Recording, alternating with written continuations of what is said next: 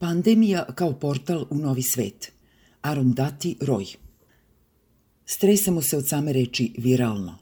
Kada vidimo kvaku, kartonsku kutiju, kesu s povrećem, zamišljamo kolonije bića s pipcima, ni živih ni mrtvih, kako nam prodiru u pluća. Plaši nas pomisao na rukovanje s neznancem, ulazak u autobus ili slanje dece u školu. Svako malo zadovoljstvo praćeno je obaveznom procenom rizika. Svi smo postali priučeni epidemiolozi, virusolozi, statističari i proroci. Lekari i naučnici mole se za čudo, a sveštenici pomno slušaju epidemiologe. I dok se virus širi, zastajemo opčinjeni pesmom ptica usred grada, prizorom paunova na raskrsnici, tišinom na nebu. Ove sedmice broj zabeleženih slučajeva širom sveta premašio je milion. Umrlo je više od 50.000 ljudi. Projekcije govore da će taj broj dostići stotine hiljada ili više. Virus se slobodno širio putevima trgovine i internacionalnog kapitala, a strašna bolest koju je proneo svetom zatvorila je ljude u sobstvene zemlje, gradove i domove. Za razliku od kapitala i njegovih tokova, ovaj virus ne traga za profitom, već samo želi da se što više množi, čime je zaustavio svako drugo kretanje. Virus nehaje za kontrolu na granicama, biometriju, digitalni nadzor i analizu podataka. Za sad najsnažnije pogađa najbogatije i najmoćnije zemlje sveta, zbog čega je lokomotiva kapitalizma praktično stala. Verovatno samo na kratko, ali dovoljno dugo da pažljivije osmotrimo njene delove, proučimo je i donesemo odluku da li je treba popravljati ili tražiti bolju. Mandarini zaduženi za upravljanje pandemijom rado govore o ratu i tu reč ne koriste kao metaforu, već doslovno. Da je to zaista rat, koja zemlja bi bila bolje pripremljena od Sjedinjenih država? Da su vojnicima na prvim linijama potrebne puške, pametni projektili, rakete, podmornice, avioni, nuklearne bombe, a ne maske i rukavice, da li bi bilo nestašica? Iz noći u noć, sa drugog kraja sveta, mnogi od nas prate konferencije za novinare njujorškog guvernera. Naša fascinacija je krajnje neobična. Pratimo statistike, slušamo o prepunim bolnicama, o potplaćenim i iscrpljenim medicinskim sestrama koje zaštitnu opremu prave od kesa za đubre i starih mantila i rizikuju živote da bi pomogle umirućima. Gledamo kako se države nadmeću za respiratore, lekare koji moraju da odluče koga lečiti, a koga ostaviti da umre.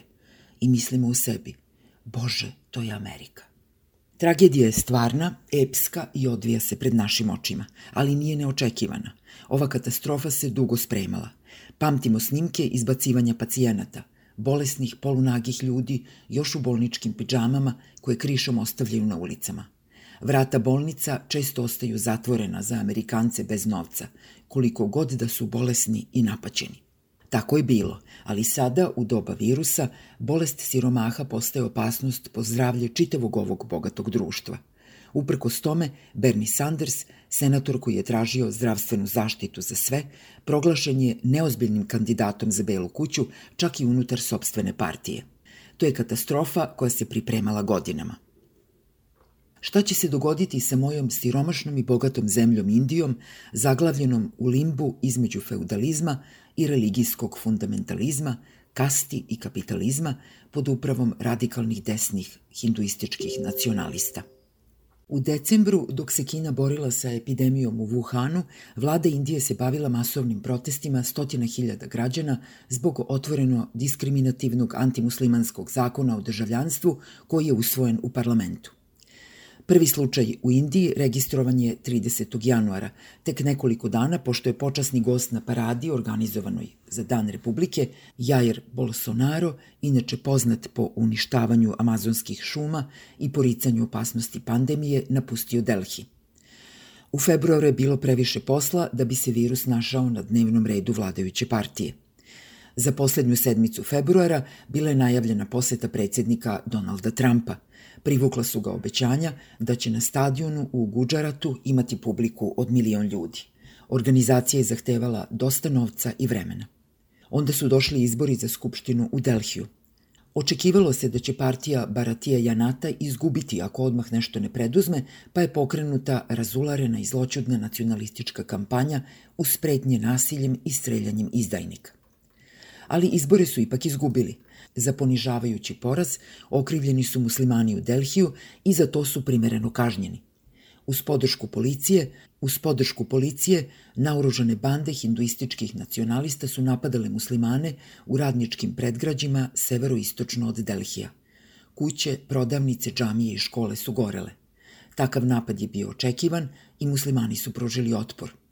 U sukobima je bilo više od 50 mrtvih, uglavnom muslimana. Hiljade muslimana su se povukle u izbegličke kampove na lokalnim grobljima. Iskasapljena tela žrtava još nisu bila izvađena iz odvodnih kanala kada su državni zvaničnici održali prvi sastanak posvećen epidemiji. Tada je većina stanovnika Indije prvi put čula za dezinfekciona sredstva za ruke. U martu su ponovo bili prezauzeti. Najvažniji posao u prve dve sedmice marta bilo je rušenje vlade pod voćstvom kongresne partije u državi Madhya Pradesh u centralnom delu Indije i postavljanje administracije pod voćstvom vladajuće partije. Svetska zdravstvena organizacija je proglasila pandemiju 11. marta. Dva dana kasnije, 13. marta, Ministarstvo zdravlja se oglasilo izjavom da korona ne predstavlja ozbiljnu prednju. Premijer Indije je konačno odlučio da se obrati naciji 19. marta, ali nije se dobro pripremio. Pozajmio je plan korišćen u Francuskoj i Italiji.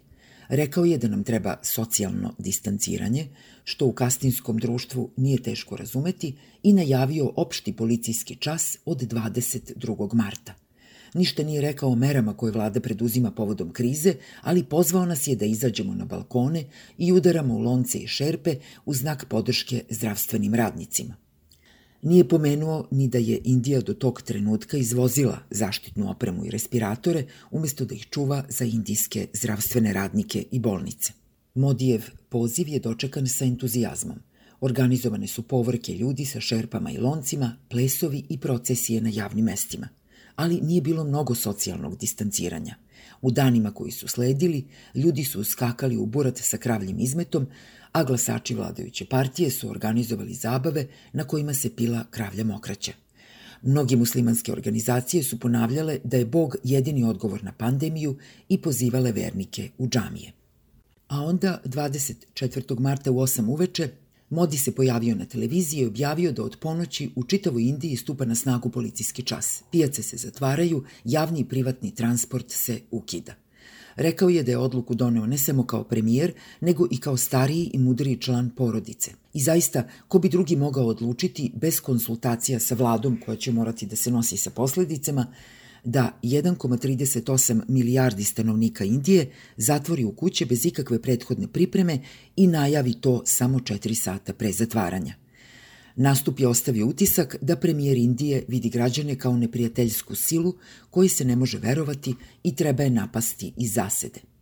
Tako smo zatvoreni u kuće. Mnogi zdravstveni stručnjaci i epidemiolozi pozdravili su ovu odluku. Moguće je da su u pravu, bar teorijski ali sigurno ne mogu podržavati katastrofalni izostanak pripreme i planiranja, zbog čega je najveći i najpogubniji program zatvaranja stanovništva na svetu proizveo efekte suprotne od željenih. Čovek koji obožava spektakle napravio je najveći zamislivi spektakl. Dok je zapanjeni svet posmatrao, Indija se pokazala u svoj svoje sramoti, sa svim brutalnim, strukturnim, društvenim i ekonomskim nejednakostima i ravnodušnošću pred patnjom. Bio je to eksperiment koji je osvetlio sve što je bilo skriveno. Dok su se prodavnice, restorani, fabrike i gradilišta zatvarali, a pripadnici bogate i srednje klase povlačili u zaštićene kolonije, gradovi i metropole su počeli da izbacuju svoju radničku klasu, migrantsku radnu snagu, kao da je u pitanju đubre koga se treba što pre rešiti. Mnogi od radnika koji su poslodavci i stanodavci izbacili sa poslova i iz stanova, milioni siromašnih, gladnih, žednih, mladih i starih, žena, dece, bolesnih, slepih, hendikepiranih, ljudi koji nemaju kuda da odu, bez ikakvog javnog transporta na vidiku, započeli su dugi marš povratka u svoja sela. Pešačili su danima prema Baduanu, Agri, Azmagaru, Aligaru, Laknou, Gokrapuru, stotinama kilometara. Neki su usput i umrli. Znali su da se vraćaju u sela gde ih možda čeka spora smrt od gladi – Znali su da možda nose virus sa sobom i da će zaraziti porodice i roditelje kod kuće. ali očajnički im je bila potrebna trunka topline, skloništa, dostojanstva, hrane, možda ljubavi. Na putu ih je brutalno tukla i ponižavala policija zadužena za sprovođenje mera policijskog časa. Mlađe muškarce su terali da čuče i skakuću putem kao žabe. Grupu pešaka na ulazu u grad Bareili saterali su u krdo i prskali hemikalijama. Nekoliko dana kasnije, zbog straha da će stanovništvo u pokretu odneti virus u sela, vlada je odlučila da onemogući kretanje pešacima. Oni koji su danima pešačili morali su da se vrate u gradske kampove iz kojih su izbačeni nekoliko dana ranije. To je kod starijih prizvalo sećanje na razmenu stanovništva 1947. kada je Indija podeljena i kada je nastao Pakistan. Ali sadašnji egzodus motivisan je klasnim, a ne verskim podelama. A to čak i nisu najsiromašniji stanovnici Indije, već ljudi koji su donedavno imali radna mesta i domove. Očajnici koji su i ranije bili bez posla i kuće, ostali su tamo gde su se zatekli – u situaciji koja je bila katastrofalna davno pre nego što je tragedija pandemije počela. Dok su trajali ti strašni dani, ministar unutrašnjih poslova Amir Šah nije se pojavljivao u javnosti. Kada je počeo veliki egzodus iz Delhija, iskoristila sam svoju novinarsku propusnicu da posetim Gazipur, mesto na granici Delhija i Utar Pradeša.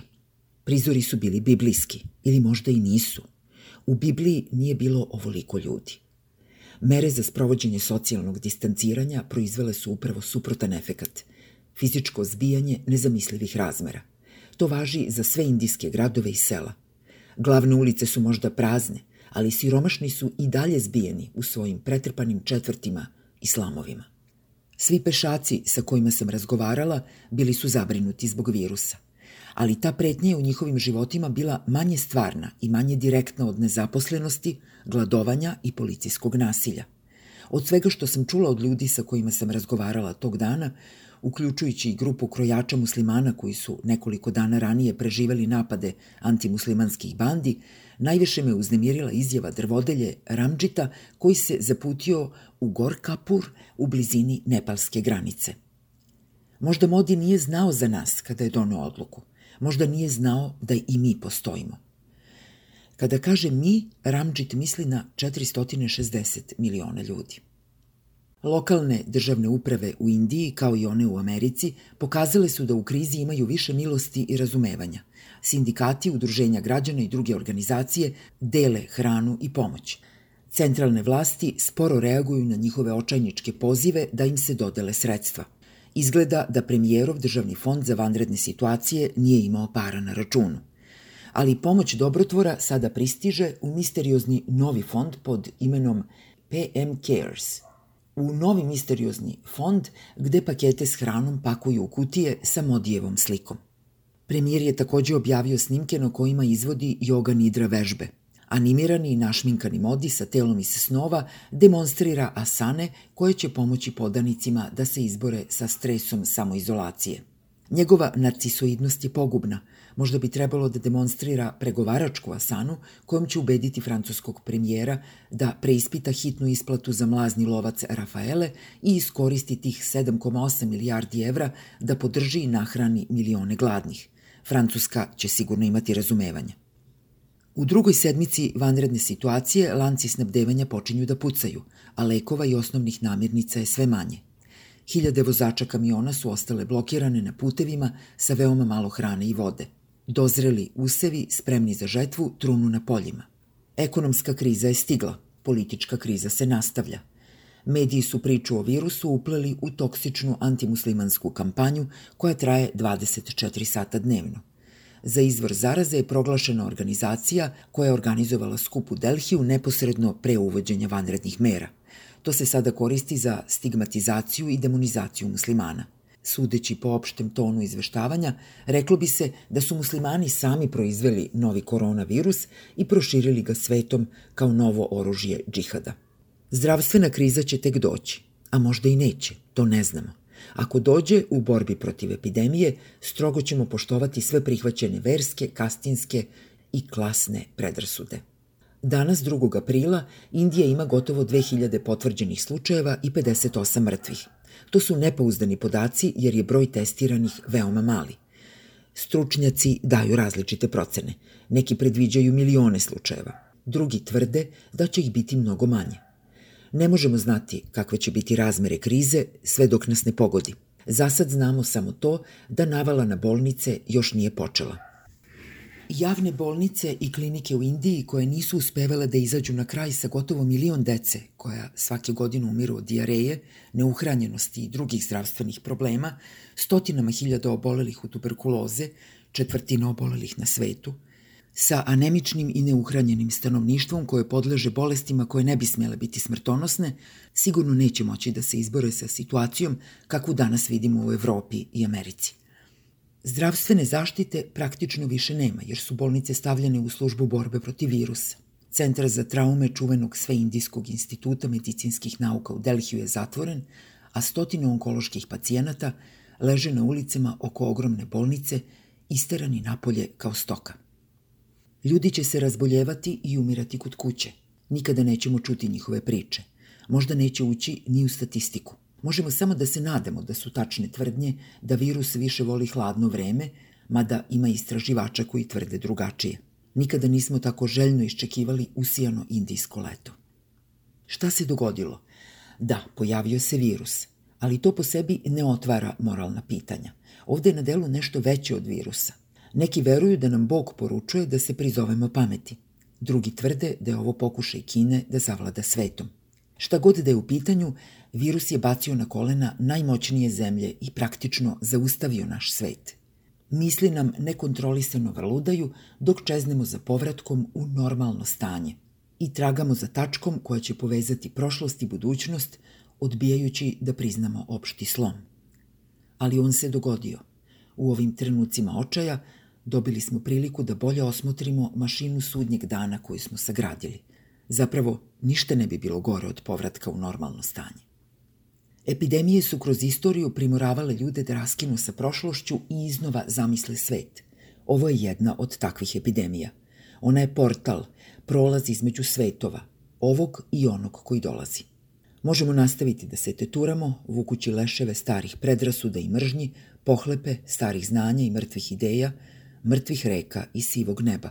Ili možemo zakoračiti napred, lagani, bez mnogo prtljaga, spremni da zamislimo drugačiji svet – i da se za njega izborimo.